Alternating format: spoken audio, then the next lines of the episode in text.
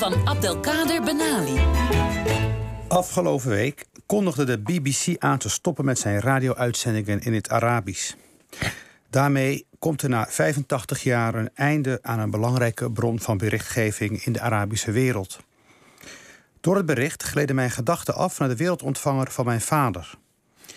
In 1990 gingen we huiswaarts uit Marokko. In een busje vol kinderen jakkerde onze vader door het droge Spaanse en Franse land. In Antwerpen maakten we bij onze tante een tussenstop om op adem te komen. Mijn vader plofte op de bank in de woonkamer en viel daar onmiddellijk in slaap. Na twee dagen non-stop rijden was hij gebroken. Zijn ogen waren uitgedroogd. Toen hij wakker werd, was hij een ander man geworden. De slaap had hem goed gedaan. Maar wat hij niet wist, was dat zijn wereldbeeld in dat slaapje aan diggelen was geslagen. Hij zette de televisie aan. We keken naar het nieuws.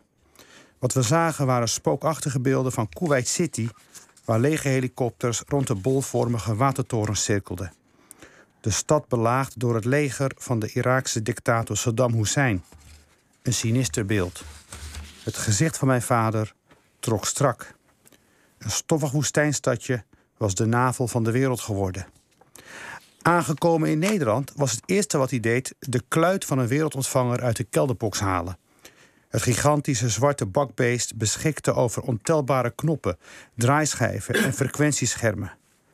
Hij parkeerde de wereldontvanger van in de auto en reed ermee naar zijn slagerij. Daar zette hij het monster van ontvangst op een stellagekast. En daarmee veranderde hij de achterkamer van de slagerij in een radiostation waar hij niet van was weg te slaan. Het ding stond de hele dag aan. En zo stroomde de berichtgeving rond de Irak-oorlog, rond de, de, in het Arabisch naar binnen. En er was natuurlijk de BBC, dat in het Arabisch uitzond. Maar er was ook Radio Moskou, ook in het Arabisch. En je had Radio Monte Carlo Doualia uit Frankrijk. En er was Radio Boekarest, dat in de jaren 60 was begonnen uit te zenden in het Arabisch om de banden met de Arabische wereld te versterken. De obsessie met de oorlog ging ten koste van de klandizie, maar het kon mijn vader niks schelen.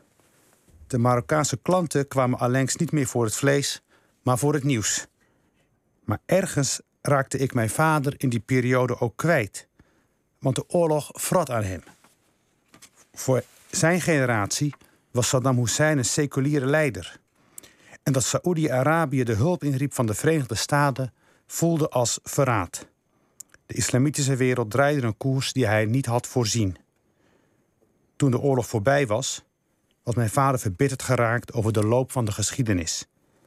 Hij voelde zich ontheemd. De wereld was een kwade plek. De wereldontvanger werd teruggebracht naar de kelderbox. Hij heeft er nooit meer naar geluisterd. Ja, Abdelkader, indrukwekkende column. Even nog voor mijn beeld. Ik moet me inderdaad voorstellen dat in die slagerij, in het kamertje naast waar het vlees wordt verkocht, allemaal mannen met elkaar druk aan het praten zijn en luisteren. Het ging de hele dag door. Het Oh, is ja? ongelooflijk, ja. En wat ik nooit heb begrepen was dat ik... Ja, ik, ik was natuurlijk... Ik, voor mij was die golfoorlog, ja... Het was een zandoorlog, maar... Mijn vader begreep toen al dat daar een kantelmoment in zat. En, en eigenlijk zitten we nog altijd een beetje op post- post-golfoorlog wereld leven we. Samen Bin Laden, 9-11, de golfoorlogen.